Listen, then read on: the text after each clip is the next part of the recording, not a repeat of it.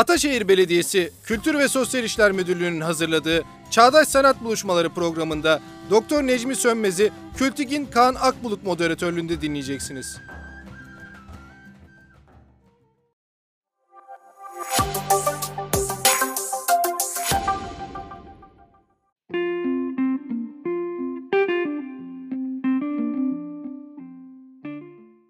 Herkese merhabalar. Ben Kültigin Kaan Akbulut. Argonotlar.com sanat yayının kurucusu ve yayın yönetmeniyim. Ataşehir Kültür'ün düzenlediği Çağdaş Sanat buluşmalarında e, bugün e, sanat yazarı ve küratör Doktor Necmi Sönmez'le birlikteyiz. Necmi Bey ile e, yakın zamanda çıkan kitabı e, Paris Tecrübeleri, Ekolde Paris, Çağdaş Türk Sanatı 1945-1965 üzerinden bu dönem Türkiye'den Paris'e giden sanatçıları, Paris ortamının Türkiye sanat ortamının etkilerini konuşacağız. Kitap Yapı Kredi yayınlarından geçen yıl Haziran ayında çıktı. Ee, konuşmamızın sonunda da Necmi Bey'in daha da yeni tarihli bir kitabı var. Tabii ki yine bu konuyla bağlantılı. Ona da biraz değineceğiz. Necmi Bey hoş geldiniz. Merhaba. Ee, Necmi Bey, e, şimdi sizin küratörlüğünüzü yaptığınız sergileri, kaleme aldığınız makaleleri, kitapları saymaya kalksam bir 10 dakikamızı alır. O yüzden e, ben hiç saymayacağım ama siz kendinizi tanıtırsanız çok sevinirim. Tamam. Benim adım Necmi. Ben Almanya, Fransa ve İngiltere'de sanat tarihi doktorası yaptım. 2000'li yıllardan itibaren farklı müzelerde çalışmalarım oldu. 1980 süreçte Avrupa, Çağdaş Avrupa ve Amerikan sanatı üzerine uzmanlaştım. Ama buna paralel olarak da 1945-65 arası Türk sanatı üzerine de araştırma yaptım. Bu dönem özellikle Paris'te yurt dışında yaşamış sanatçılar hakkında farklı farklı çalışmalarım, farklı sergi etkinliklerim ve kitap çalışmalarım oldu e, halen çalışmalarımı Düsseldorf'ta sürdürüyorum. 45-65 yıllar arasındaki Paris'i. Yani nasıl bir Paris var ve nasıl bir Paris sanat ortamı var? Biraz tarif eder misiniz? Çünkü bir yandan mesela savaş sonrası dünyada böyle olumlu bir hava esiyor. Savaş evet, evet. Evet, evet, ama evet. bir yandan da mesela savaşın yarattığı yıkım nedeniyle hani Avrupa sanatı, Paris sanatı yavaş yavaş gücünü kaybediyor ve New York'a kaptırmaya başlıyor. Siz evet, o dönemki evet. e, sanat ortamını yani Paris hatta biraz daha genişletirsek Avrupa sanat ortamını nasıl tarif edebilirsiniz? Şimdi şöyle 1945'te savaş bittikten sonra e, tabii e, e, bütün e, Avrupa'da e, e, değil yalnızca bütün dünyada yeni yeni bir dönem, yeni bir yapılaşma başlıyor. Ee, insanlar savaşın üzerlerinde bıraktıkları e, tortulara atabilmek için e, e, bir takım e, yeni e, anlatım biçimlerine, yeni anlatım metotlarına ihtiyaç duyuyorlar ve o zaman e, işte e, halen dünya sanatı çok frankofon ağırlıklı. Çünkü Fransızca hala lingua franca olarak dediğimiz yani uluslararası dil bağlamında hala kabul görüyor ve e, savaş biter bitmez hatta savaşın bitmesinden bir hafta on gün sonra kadar sonra bile sonraki dönemde bile insanlar birçok ülkeden dünyanın dört bir tarafından entelektüeller yaratıcı insanlar kendilerini Paris'e atıyorlar ve Paris'te bir bir tuhaf tuhaf bir e, e, bir kaynaşma dönemi başlıyor. İşte burada e, sanat alanında, yazın alanında, tiyatroda, müzikte, sinemada müthiş ilginç bir dönem başlıyor. Tabii bütün bunların arka planında unutulmaması gereken bir özellik var. Avrupa özellikle Fransa ve Paris o zamanlarda çok büyük sıkıntı çekiyor. Yani doğru dürüst yemek bulmak bile, işte bir banyo bulmak bile çok büyük bir sorun. İnsanların çok büyük bir bölümü küçük otel odalarında odalarında yaşıyor ve bu otel odalarında e, yemek pişirme imkanları yok, banyo yapma imkanları yok. Ama buna karşın arkası arkasında tiyatrolar açılıyor, kitaplar yayınlanıyor, sergiler düzenleniyor, e, tiyatrolar var, festivaller var. Bütün bunlarla farklı bir kültürel oluşum başlıyor. Bu bu kültürel oluşumda sanat bizi ilgilendiren kısmı yani görsel sanatlar kısmında iki tane çok önemli eğilim var. Bunların bir tanesi Fransız Komünist Partisi'nin ki bu Fransız Komünist Partisi özellikle Fransız aydınları, entelektüelleri üzerinde çok güçlü etkisi olan bir parti. Eleştirel figürasyon başlığı altında İkinci Dünya Savaşı'nın insanlık üzerinde, insan insan tarihi üzerindeki yıkıntılarını figür sanatından yorumlayan bir e, bir e, bir eğilime e, e, sahip ve bunun e, partiye yakın duran sanatçılar tarafından desteklenmesiyle sanat ortamının gündemine getiriyor ve o zaman işte e, Louis Aragon, Pablo Picasso gibi hakikaten dönemin çok önemli e, aydınları, entelektüel insanları e, Fransız Komünist Partisi ile aktif olarak beraber çalışıyorlar ve bunlar e, genç sanatçıları e, e, özellikle figür resmi e, e, ve bu figürde insanlığın özellikle işgal altındaki Fransa'nın, Fransızların yaşadığı acıları di, dile getirebilmesi için e, e, destek e, veriyorlar ve büyük sergiler organize ediliyor. Bu önemli bir e, eğilim, bu önemli bir akım. Buna karşılık buna karşılık olarak da işte e, 1900 e, 1947'den itibaren e, tekrardan filizlenmeye başlanan daha soyut, işte biliyorsunuz soyutu iki ana e, bölüme ayırıyoruz. Bir tanesi lekesel soyut, bir tanesi geometrik soyut olmak üzere. E, farklı bir eğilim var. Bu, bu eğilimi de daha ziyade o dönemde e, etkinlik gösteren galeriler, müzeler, sanat eleştirmenleri e, ve bir takım salon sergileri var. Her yıl düzenli olarak düzenlenen. Bu işte salon salon sergilerinin en önemlileri e, Salon de Realite Nouvelle e, var, e, işte Salon de Mel var e, ve e, buralardan da e, e, daha soyut, işte daha e, değişik e, diyebileceğim, daha lekesel, daha geometrik yorumlarla bir e, soyut sanat e, e, gündeme getiriliyor. Dolayısıyla e, sanat ortamında bu iki ana eğilim gündeme geliyor. Bir yanıyla eleştirel figürasyon, öbür yanıyla da hem geometrik hem de lekesel soyut olarak yorumlayabileceğimiz e, özellikler. Şimdi bütün tabii bütün bunlar o dönemde arkası arkasına açılan sergilerle yazılan yazılan yazılarla ama bu yazılar hakikaten çok ağır yazılar anlatabiliyor muyum? Yani iki gruplaşmada kendisini ön plana çıkarabilmek için hakikaten çok ağır yazılar yazıyor ve her yazı biliyorsunuz etki tepki meselesidir. E, karşıtını doğuruyor ve genç sanatçılar arasında müthiş bir hareketlenme var. Bu da sanat ortamını canlandırıyor. E, aktif olarak e, her ay bir bir sergi açan 50'ye yakın galeri var ve, ve müze etkinlikleri devam ediyor. Sanat dergileri çıkıyor. Sanat yazarlarının arkası arkasında organize ettiği grup sergileri var. Bu önemli grup sergilerinde işte o dönem Paris'te yaşayan sanatçılar davet ediliyor ve bunlar belirli gruplaşmalar içinde kendilerine yön, bir duruş noktası arıyorlar. Dolayısıyla 1945 sonrası Paris'teki sanat ortamı bu tür gruplaşmaların, mücadelelerin, e, karşılıklı e, kavgaların ve bunlardan doğan da bir hareketliliğin çok gündemde olduğu bir sanat ortamı. Bir yandan da e, şimdi kitabı da incelerken şunu fark ediyorum biraz kitaba da yavaş yavaş geçersek. Evet. buradaki bu kitaptaki mesela isimlere baktığımda, ele aldığınız sanatçılara baktığımda sizin evet. aslında neredeyse 30 20-30 yıldır üzerine yazdığınız e, sanatçılar, katalog yazıları olsun, başka kitapları olsun hep bir kat koyduğunuz yazılar. Aslında bu kitap gördüğüm kadarıyla çok uzun bir e, zamanın verimi. E, evet. Biraz hani e, bu kitabı nasıl hazırladınız? Kitabın hazırlık süreci nasıl oldu? Bu bütün birikiminiz nasıl toplandı bu kitapta? Onu biraz aktarır mısınız? Evet şimdi şöyle oldu. Ben 1988'de e, ilk defa e, o zaman öğrenciydim. Müzeleri gezmek ve biraz da e, ne olduğunu görebilmek için Paris'e gitmiştim. Bir yaz tatilindeydi bu ve o zaman bu işte bir yanda müzeleri geziyordum. Bir yandan da orada yaşayan birçok Türk sanatçısının atölyesini ziyaret ediyordum ve bu bu ziyaretler sırasında şunu gördüm. E, buradaki sanatçıların birçoğunun çok önemli bir arşivi vardı ellerinde ve bu arşiv o dönem hakkındaki çıkan kitaplarda yani Fransa'da olsun, Amerika'da olsun ya da dünyanın farklı ülkelerinde olan çıkan kitaplarda çok fazla değinilmiyordu. Ve bu bu benim çok o dönem ilgimi çekti ama o zaman tabii öğrenciydim ve çok da fazla e, bilmiyordum bu tür malzemenin ma, bu tür malzemeyle nasıl çalışılır, işte nasıl e, bir kitap hazırlanır ya da nasıl farklı şeyler oluşabilir diye.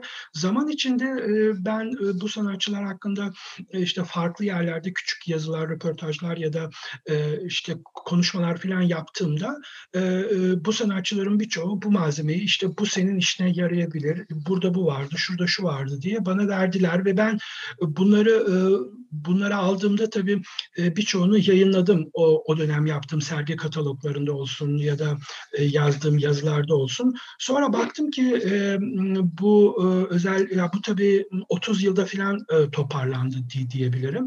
E, öyle bir döneme geldik ki bu elimdeki malzemenin e, bir kitap olarak çıkmasının o dönemi e, en iyi özetleyebilecek bir e, bir, bir hamle olduğunu düşündüm. E, bir de şöyle bir özellik var tabii. Bu sanatçıların birçoğuyla bizzat tanıştığım için, bizzat yemek yediğim için ya da bizzat atölyelerinde olup yani çok zaman geçirdiğim için onlarla onlara karşı bir tür sorumluluğum vardı ve ben bu sorumluluğu bu kitaptaki çok kaba hatlarıyla tabii elimdeki malzeme çok daha farklı yönlere gidebilecek malzemelerdi. Bunları değerlendirmeyi düşündüm. Açıkçası bunu yaparken, bu kitabı hazırlarken kafamda her şeyden önce bu dönemi yaşamış sanatçılara olan bir gönül borcumu ödeyebilmekti. Bu benim için çok önemliydi. Bir de onların verdiği mücadeleyi, onların verdiği sanat tutkusunu bir şekilde tekrardan dile getirmek istedim. Kitaptaki tezler, kitaptaki malzemeler aslında çok daha detaylı girişilebilecek bir çalışmanın küçük özeti gibi. Ben bunu özetlerken de birçok kişiyi, birçok sanatçıyı maalesef ele alamadım. Ama bilinmesi gereken bir şey varsa 1945'ten sonra benim incelediğim 65 yılına kadar neredeyse 500'e yakın Türk sanatçısı Paris'e gidiyor. İnanılmaz bir rakam ve bu sanatçıların birçoğu orada çok farklı oluşumların, çok farklı etkinliklerin içinde yer alıyorlar. Bunları incelemek, bunları bir kategoriye sokabilmek tabii bu kitabı kitabın e, çok çok daha çok daha geniş çaplı olmasını gerektiriyordu. Ben burada şunu e, savundum. Hakikaten e, kimler bu dönem arasında bir kişisel sergi açabilmişti?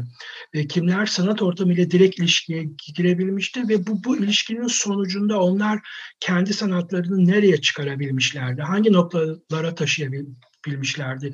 Kitap bu çerçevede gelişti. Bir de tabii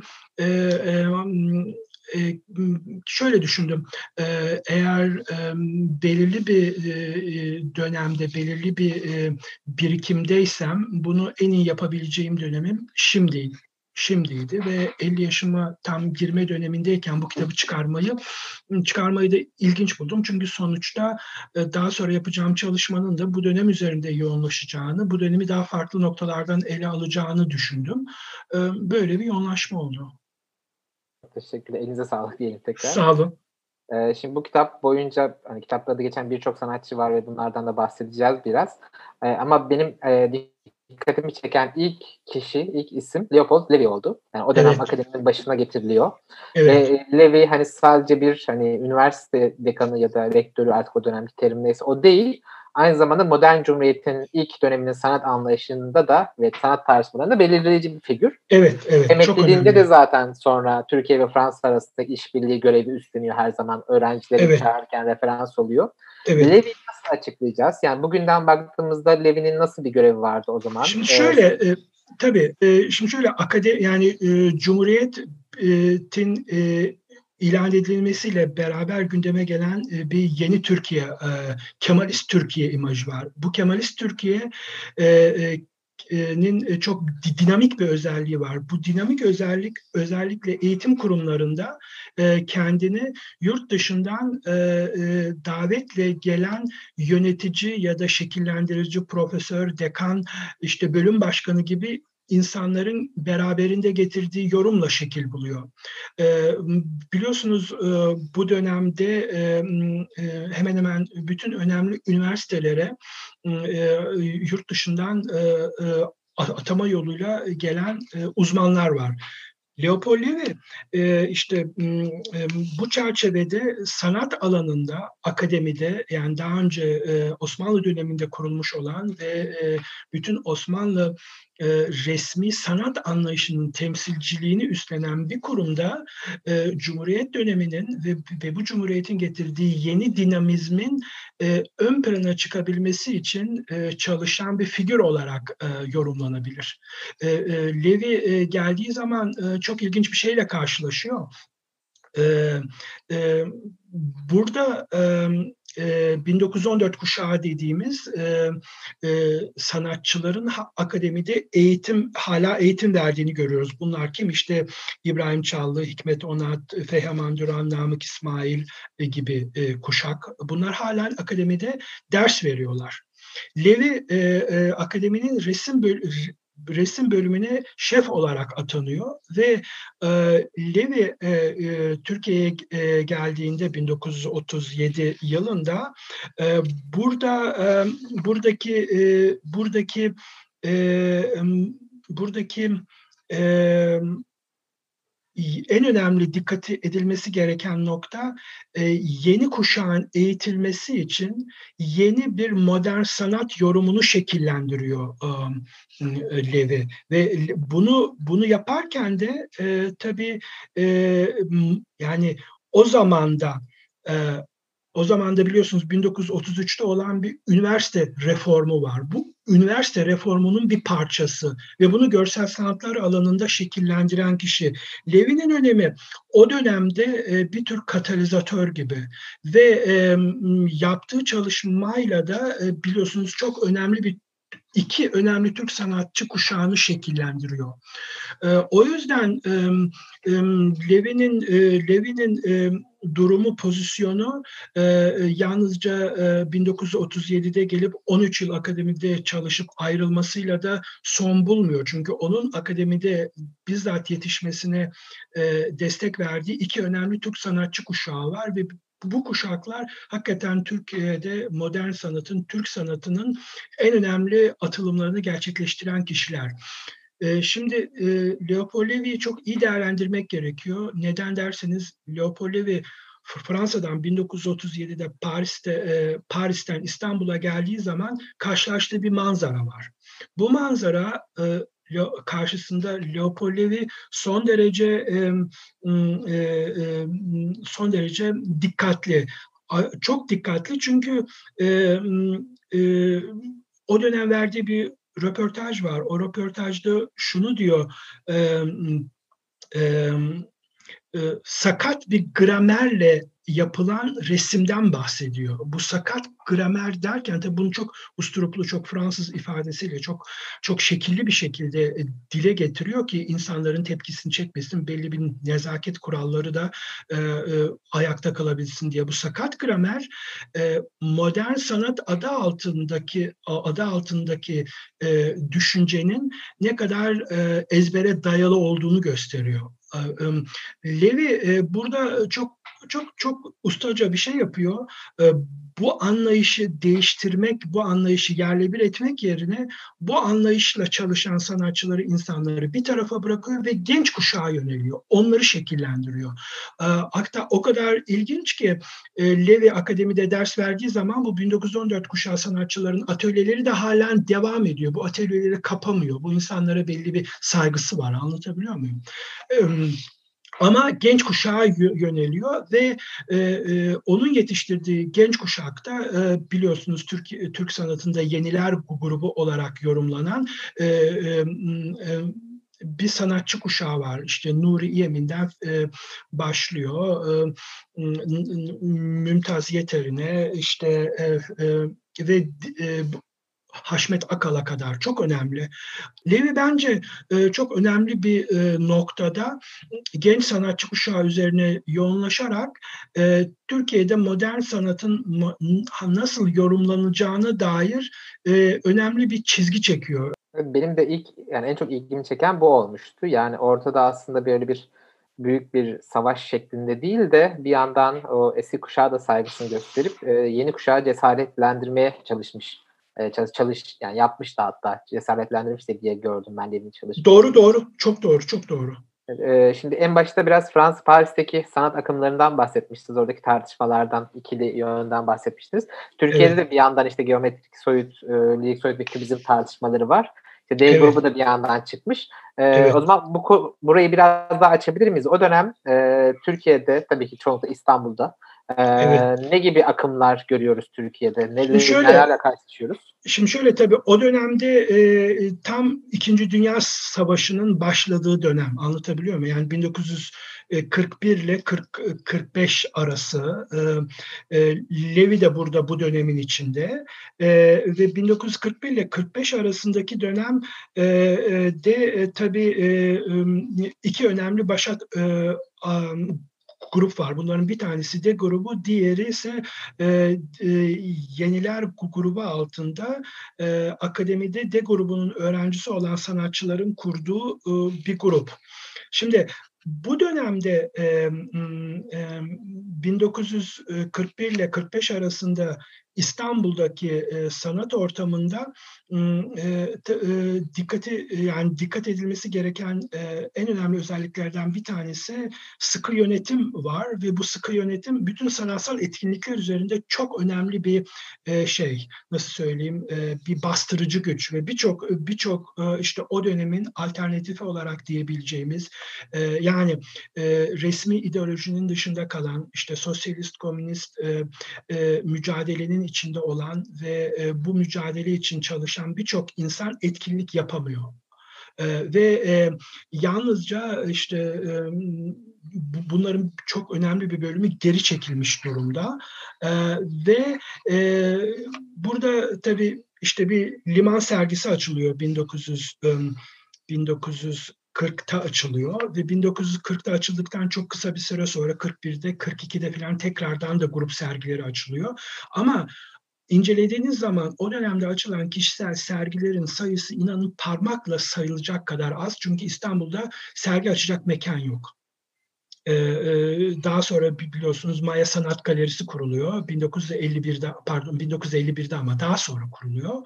O dönemde e, Türk sanatı çok büyük bir e, bir bir ağır bir derin kış uykusunda e, ve e, son derece e, e, e, yalın son derece e, kendi yağında kavrulan bir de biliyorsunuz Türk sanatını e, güçlendiren en önemli özelliklerden bir tanesi yurt dışından sürekli fikir alışverişi. O dönemde savaş olduğu için e, bu fikir alışverişi de tamamen kapanıyor. Ve o zaman e, işte e, biliyorsunuz birçok sanatçı İstanbul'dan Anadolu'ya sürgüne gönderiliyor. Ve son derece aslında tuhaf, can sıkıcı ve sanatçıların çok zor üretim yaptığı dönem o, o yıllar. Ama genelde baktığımızda daha ziyade e, e, modern sanat konusunda işte belirli yayın organlarında yapılan tartışmalar var. Kübist sanat işte ne kadar önemli, Anadolu kübizmi diye bir kavram gündeme getirmeye çalışıyor Nurullah Berk ve Sabri Berkel. İşte bunlar e, bunlara Bedirahmi de katılıyor. İşte o figür kilim dokusu onları bir araya getirip e, yorumlama çabaları var. E, böyle biraz derin kış uykusunun olduğu, çok fazla başat çalışmanın gündeme gelemediği bir dönem e, Türkiye'de. Ee, peki bu o kış uykusundan nasıl uyanıldı? Ondan sonraki süreç nasıl aşıldı? Yani 50'lere mi gitmemiz gerekiyor? 60'lara Evet 50 50'lere gitmemiz gerekiyor. 1950'lerin modernizmi başlığı altında yorumlanabilecek çok önemli bir hamle var e, Türk sanatında. O 1950'lerde ancak e, gündeme geliyor. E, bakın bu kış uykusunu e, uluslararası anlamda e, değerlendirebilecek ölçülerde hareketlendiren olay e, Türkiye'nin 1958'de Dünya e, sergisine Brüksel'de katılırken yaptığı Expo'da ona o zaman işte Expo adı altında konuşuluyor. Dünya sergisine gönderdiği pardon Dünya sergisine yaptığı katılım. Bu katılım 1958 yılında Türk sanatının hakikaten bir tür çıkış noktası yakaladığını ve dönemin başat eğilimlerini e, yorumlayan e, ve bunu da e, Avrupalı perspektiften değil, Avrupa dışı modernizmlerden beslenerek yaptığını görüyoruz. Yani Kış Uykusu 1958'de bence e, e, ortadan kalkıyor. 1958'de çok çok hareketli ve çok ilginç, e, devinimli bir dönem var.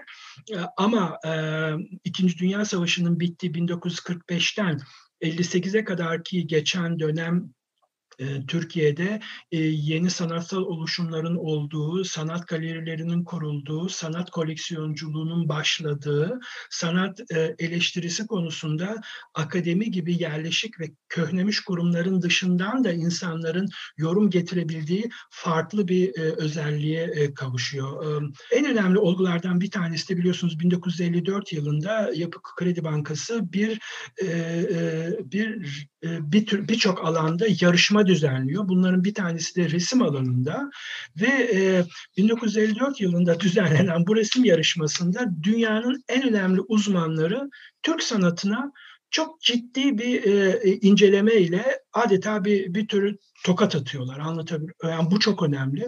E, e, bence e, Türk modern sanatının e, başlangıç noktası olarak e, yorumlayabileceğimiz özellik bu 1954 Yapı Kredi'nin İstanbul'da açtığı yarışma ve bu yarışmada Aliye Berger gibi e, bir gravür sanatçısının, kadın sanatçının büyük ödülü kazanması ve bu ödülü onun kazanması ile beraber soyut, soyutlayıcı, dışa vurumcu tarzdaki sanatın dünya gündeminde olan bir sanat olduğunun artık yabancı dil bilse de bilmese de Türkiye'deki sanat insanları, sanat ortamı tarafından kabulü.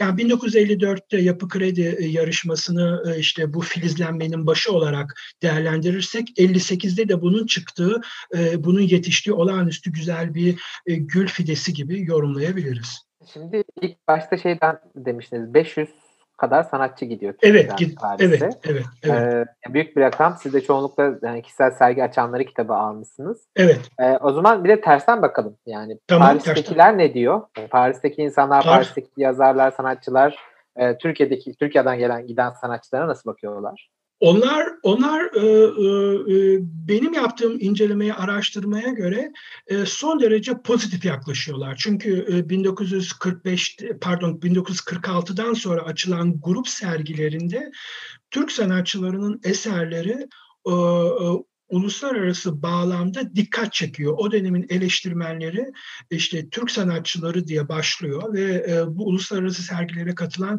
Türk sanatçılarının eserlerini e, hiç herhangi bir şekilde e, ötekileştirmeden, egzotikleştirmeden, ne bileyim farklı bir kategoriye koymadan e, işte e, e, Fransız, Amerikalı ya da e, Çinli sanatçılarla beraber değerlendiriyorlar. E, bu benim çok ilgimi çekmişti. Yani Paris sanat ortamı e, e, işte e, bu bu şehirde sergi açan Türk sanatçılarına karşı aslında son derece açık e, ve e, e, hiçbir şekilde onları farklı bir gelenekten, farklı bir kökenden geldikleri için çok tuhaf bir şekilde aşağılamıyor. Ya da ya da onlara onu ha evet bunu bunu söylemek zorundayım. Onlara Parisli gö- gözüyle bakıyor. Tuhaf olan o. Anlatabiliyor muyum? Yani geldiği köken ne olursa olsun artık onlar Parisli sanatçı oluyorlar. Yani ilginç olan da e, bence bu aslında. Onlar e, Türk sanatçısı olarak görülmüyorlar. Onlar Parisli sanatçı olarak görülüyor. Bu da tabii Türk sanatçılarının çok üzerinde durduğu bir nokta. Anlatabiliyor muyum? Yani onlar e, bunu tabii ben birçoğuyla yaptığım konuşmada da öyle kavramıştım. Onlar kendilerini ki çok modernist bir tavır bu. E, kendilerini e, parti sanatçı olarak görülme, kendilerinin parti sanatçı olarak algılanılmasının en önemli e, kabul ediliş biçimi olduğunu gördükleri için böyle bir özellik var. Bir de en çok şunu merak ediyorum aslında. Az önce İlhan Koman'ın Stockholm iklimden bahsetmiştiniz. Ee, Abidin Dino da hayatının sonuna kadar e, Paris'te kaldı. Tabii tabii.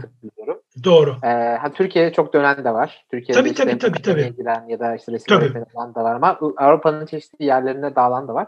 Aslında biraz böyle bir ufak bir Türkiye dönenler ve diasporada kalanlar gibi bir ayrım oluşmuş sanki. Evet bu, doğru. Bu, ülkeler arası bu network arasında bir bağ var mı? Bu sanatçılar birbirleriyle konuşabiliyorlar mı? İletişim kurabiliyorlar mı? Nasıl bir yapı var bunlar arasında?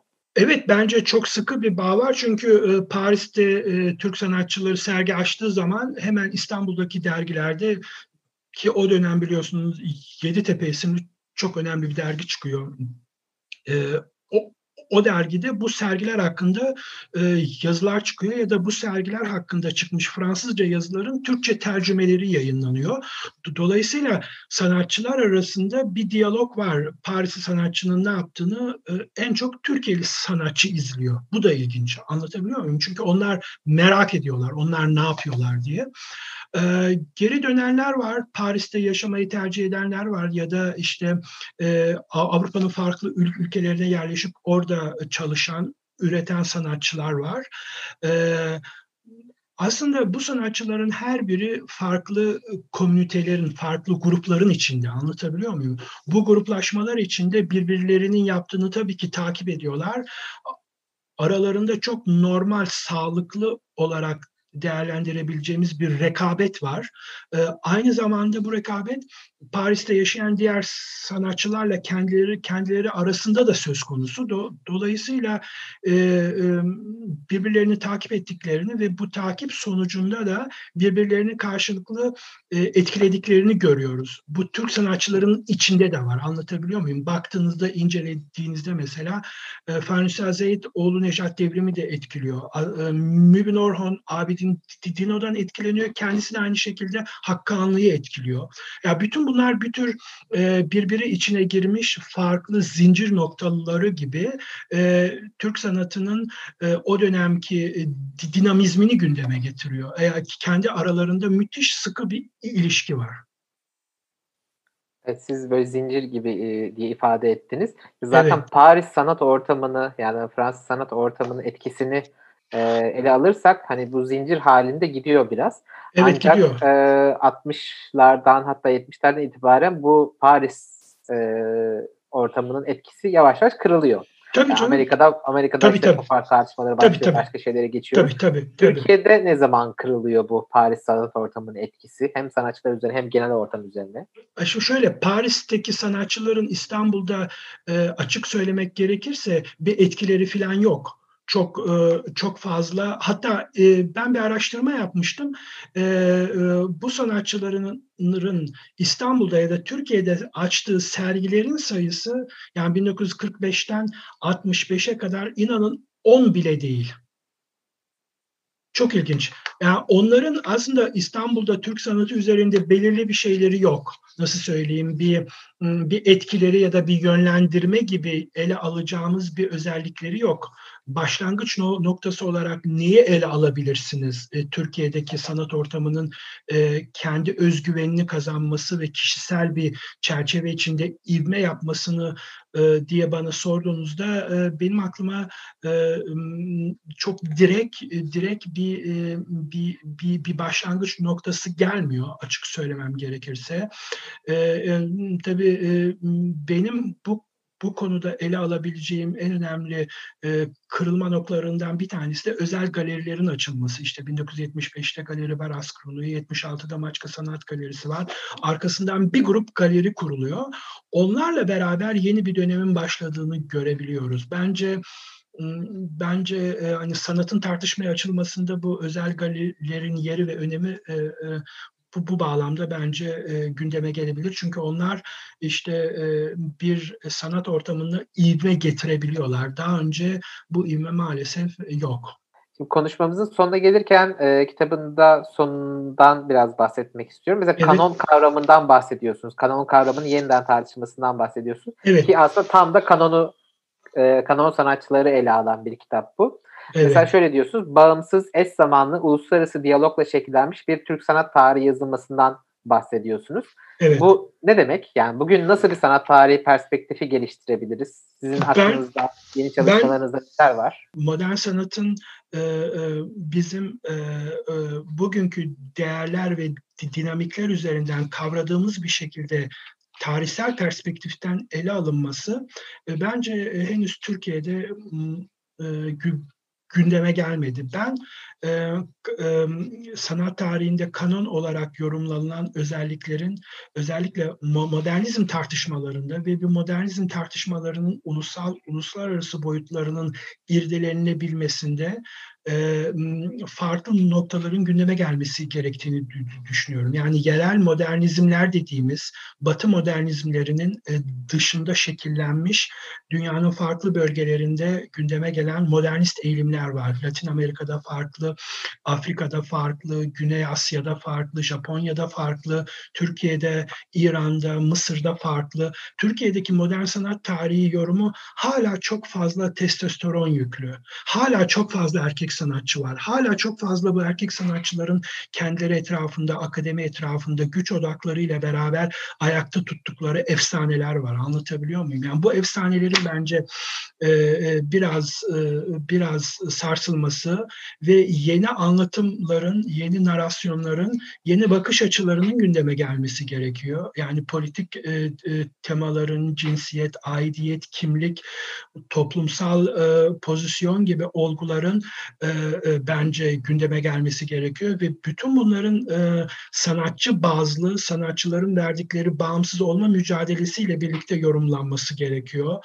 Aidiyet, kimlik, e, işte politik gelişmeler çerçevesinde e, sanatsal oluşumları nasıl ele almamız gerekir? Yani biz e, Türk sanatçılarının yap, verdikleri mücadeleyi, onların deneysel çalışmalarını e, ele aldığımızda nasıl bir anlatım, nasıl bir kanon oluşturacağız ve, ve bu kanon etrafında hangi sanatçılar ön planda? Ha, bu çok önemli. Anlatabiliyor muyum? Ya o dönemle bu, bu dönem arasında bir de sanatın yorumlanmasında biliyorsunuz bir bazen 10 10 yıl, 20 yıl değil, 30 yıl, 40 yıl hatta normalde 50 yıllık bir şeye ihtiyaç var, perspektife ihtiyaç var. Yani şu, şu an 2020'lerin perspektifinden baktığımızda biz belki de 2060'ları, 2070'leri, 2050'leri daha iyi kavrayabiliriz.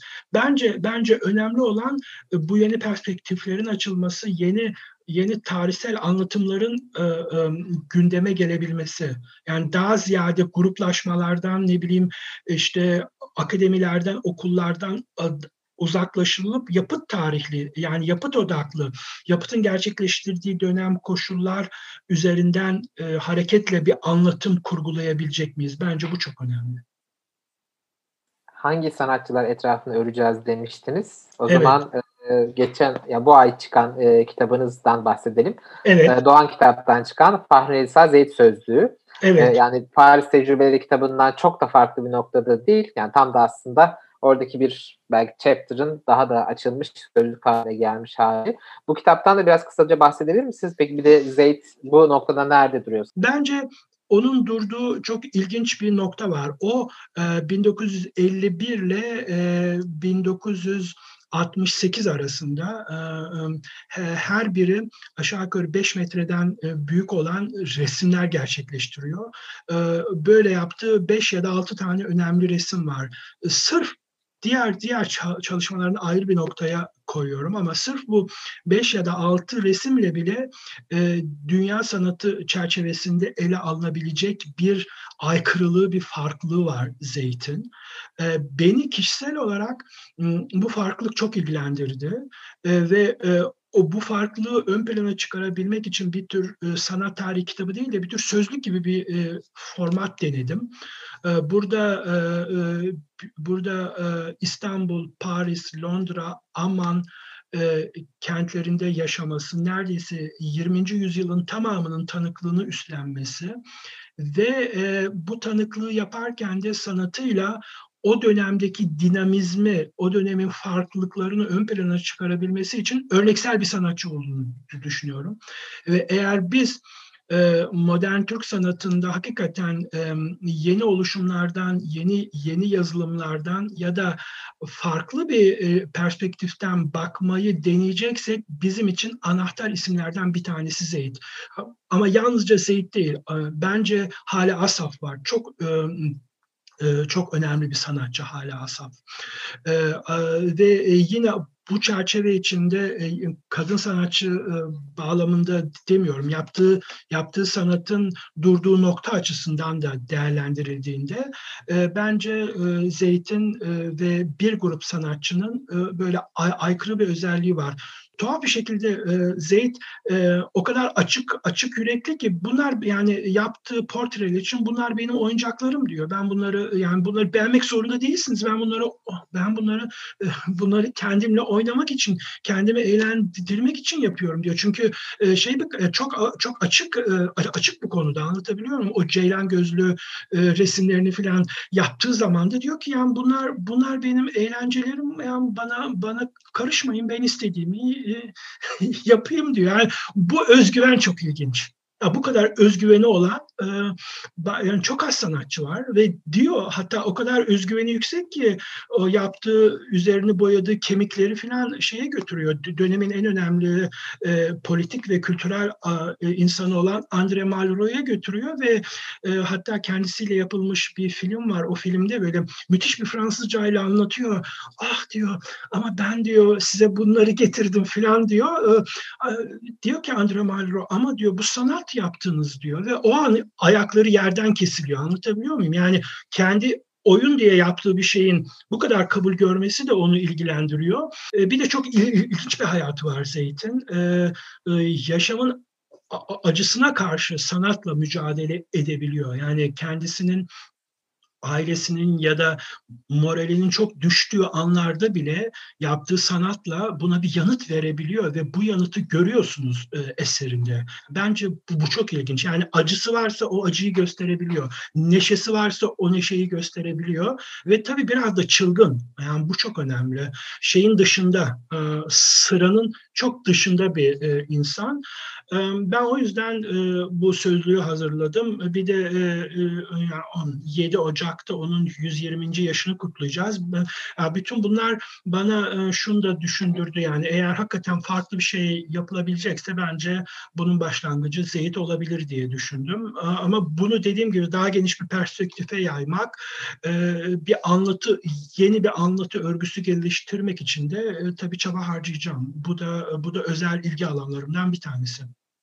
Son sorum olarak da şunu ekle, sormak istiyorum. Hem eklemek istediğiniz var mı diye sorayım. Hem de biraz açtık aslında bu konuyu ama e, genç e, ve kendi genç hisseden sanat tarihçilerine ve küratörlere e, neler öre, ö, e, önerebilirsiniz bu Türkiye modern sanat tarihinin yeniden yazılması üzerine? Nasıl bir belki öneri getirebilirsiniz, rota şekillendirebiliriz? Ben e, ben e, e, bu alanda ciddi araştırma yapılması gerektiğini düşünüyorum. Yani arşivlere girilip işte tek tek tek tek nasıl söyleyeyim bir tür iğne ile kuyu kazar gibi belirli dönemlerin, belirli yılların incelenmesi gerektiğini ve sanatçıların kişisel tavırlarının ne olduğunun ortaya çıkması gerektiğini düşünüyorum. Yani yalnızca bir kadın sanatçı, eşcinsel sanatçı ya da politik sanatçı gibi kavramların ya da damgaların yeterli olmadığını bunun araştırılması gerektiğini, işte e, sergi davetiyelerinin, afişlerinin, fotoğraflarının, mektuplarının e, ya da o dönemdeki başat özelliklerin araştırmaları araştırılması gerektiğini düşünüyorum. Bunlar ortaya çıkarsa ve biz bunları yan yana koyabilirsek bence o zaman çok daha ilginç sorgulamalar yapabiliriz. E, benim benim genç sanat tarihçilerine ya da bu konuyla ilgilenen Türkiye'de modernizmin mücadelesiyle ilgilenen e, çok değerli araştırmacılar var. E, onlara karşı benim söyleyecek herhangi bir önerim olamaz. Zaten birçoğu da benden çok daha e, yaşlı ve çok daha kıdemli durumdalar. Ben bu insanlara her zaman için çok saygı duyuyorum. E, um, ama onların e, onların başlattığı e, ve geliştirdiği e, sanatsal e, çalışmanın e, bence genç kuşaklar tarafından da daha bireysel, daha kişisel e, noktalara e, çekilmesinde bence fayda var. E, atıyorum e, o dönem belirli dönemlerde yaşamış ve halen yaşamakta olan sanatçıların e, e, işlerinin bence çok daha farklı noktalardan ele alınması e, gerekiyor. Ben e, daha kişisel, daha e, sanatçı odaklı ve daha da spesifik belirli dönemlerin, belirli yılların e, büyüteç altına alınmasını. Mesela beni kişisel olarak çok ilgilendiren bir şey var. 1968 öğrenci olayları, dünyadaki öğrenci olayları Türkiye'de nasıl algılandı? Vardı. Biliyorsunuz o dönemde Türkiye'de çok ciddi ciddi bir politik bilinçlik var. Birçok önemli e, Marksist, e, kapit, e, Marksist ve Leninist e, kitap çevriliyor Türkçe'ye ilk defa. E, o onları okuyan kuşak var. Bu kuşak acaba e, yaptıkları sanatla bunu nasıl bir araya getirebildi? Bu kişisel olarak beni çok ilgilendiriyor mesela. Yani bunun bunun sorgulanılmasından yanayım. E, bu, e, bununla beraber e, yeni kavramlar nasıl gündeme geliyor? Bütün bunlar e, bence çok daha ilginç e, e, ilginç e, noktaları gündeme getirebilir. Evet, çok teşekkürler Necmi Bey. Ağzınıza sağlık. Ben de, Zaten ben de teşekkür Arşivden ediyorum. bahsetmiştiniz. Ee, şöyle tekrar göstereyim kitabı da. Ee, yani bu kitabın bence en kıymetli yönlerinden biri e, o dönemin e, belki tozlu raflarında kalmış kataloglardan, e, yazılardan, sanat erişlerinden, gazetelerde kalmış yazılardan, minik davetiyelerden e, alıntılara yer verilmesi. Çünkü bazen e, o dönemi tartışırken hep aynı metinleri, aynı e, cümleleri kurabiliyoruz. E, ama yani yeni fikirler için belki de orada daha derinlere girmek, e, o hiç bulmadığımızı, sanatçıların söyledik söylediklerini, yazdıklarını ama bizim görmediklerimizi belki tekrar ortaya çıkarmak gerek. Çok Evet. teşekkür ederim Necmi Bey. Asıl- Ağzınıza sağlık. Asıl ben teşekkür ederim davet ettiğiniz için. Bazen bir şey söyleyeceğim istiyorsanız onunla bitirelim. Çok küçük Tabii, bir buyurun. davetiye, çok küçük bir davetiye. Mesela o küçük davetiyeye baktığınız zaman hakikaten e, çok önemli bir resim çekebiliyorsunuz. E, bir de şöyle bir olay oldu. 2000 yılından sonra 1945 ile 2000 arasındaki bütün e, malzemeler, bu tür efemera dediğimiz malzemelere tarihsel damgası vuruldu ve bunlar bunlar hakikaten e, birçok insanın araştırdığı, sorguladığı kavramlar oldu. Ee, ya benim e, benim çok uzun zamandan beri peşinde olduğum çok küçük bir davetiye vardı. İnanın e, kartpostalin bir kartpostal boyutunun bile yarısı kadar bir davetiye. Ama o davetiyede e, mesela Paris'te açılmış e, e, bir sergide işte yer alan 1948 yılında açılmış bir sergi. Ve orada orada çok küçük bir davetiye ama oradaki isimlere baktığınızda o isimler arasında mesela Selim Turan diye bir, bir sanatçının da ön plana çıktığını gö- gö- görüyorsunuz. Bu da çok ilginç. O küçük davetiye elinize geçmese e, 1948 yılında bu sanatçının nerede durduğunu çok fazla ele alamıyorsunuz, inceleye, inceleyemiyorsunuz. Bence e, sanat tarihi araştırmalarını ilginç kılan o küçük çok nüans noktasını bulup onun üzerinden bir anlatıyı e, kurgulayabilme. Bence bence bu, bu çok ilginç. Tam, tam da kapanış konuşması olarak e, arkamda baskısını e, gördüğümüz Selim Turan'ın bir e, Selim Turan'dan bahsettik. Natürmort eseri kendisinin. Evet. E, çok teşekkürler Necmi Bey. Tamam. E, Çok sağ olun. Ben de beni davet ettiğiniz için. Çok sağ olun. Teşekkür ediyorum.